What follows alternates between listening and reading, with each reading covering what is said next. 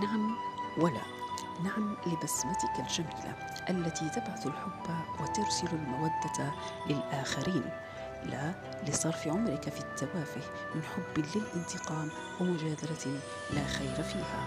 نعم لكلمتك الطيبة التي تبني الصداقات وتذهب الأحقاد لتقديم المال وجمعه على صحتك وسعادتك ونومك وراحتك.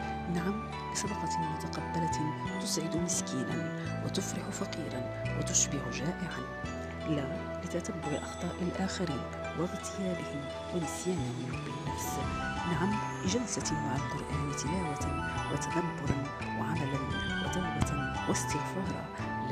للإهمال في منال النفس وإعطائها كل ما تطلب وتشتهي. نعم لكثرة الذكر والاستغفار وإدمان الدعاء وتصحيح التوبة. لا لضياع الأوقات مع الفارغين وإنفاق الساعات في اللهو.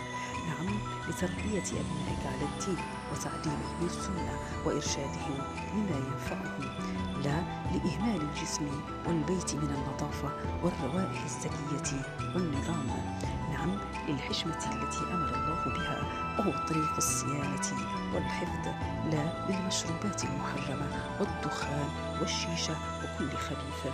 نعم لصحبة الخيرات ممن يخافن الله ويحببن الدين ويحترمن القيم.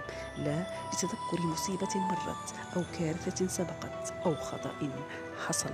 نعم لبر الوالدين وصلة الرحم وإكرام الجار وكفالة الأيتام لا لنسيان الآخرة والعمل لها والغفلة عن تلك المشاهد. نعم للقراءة النافعة والمطالعة المفيدة مع الكتاب الممتع الراشد. لا لإهدار المال في المحرمات والإسراف في المباحات والتقصير في الطاعات. كانت هذه مقتطفات من كتاب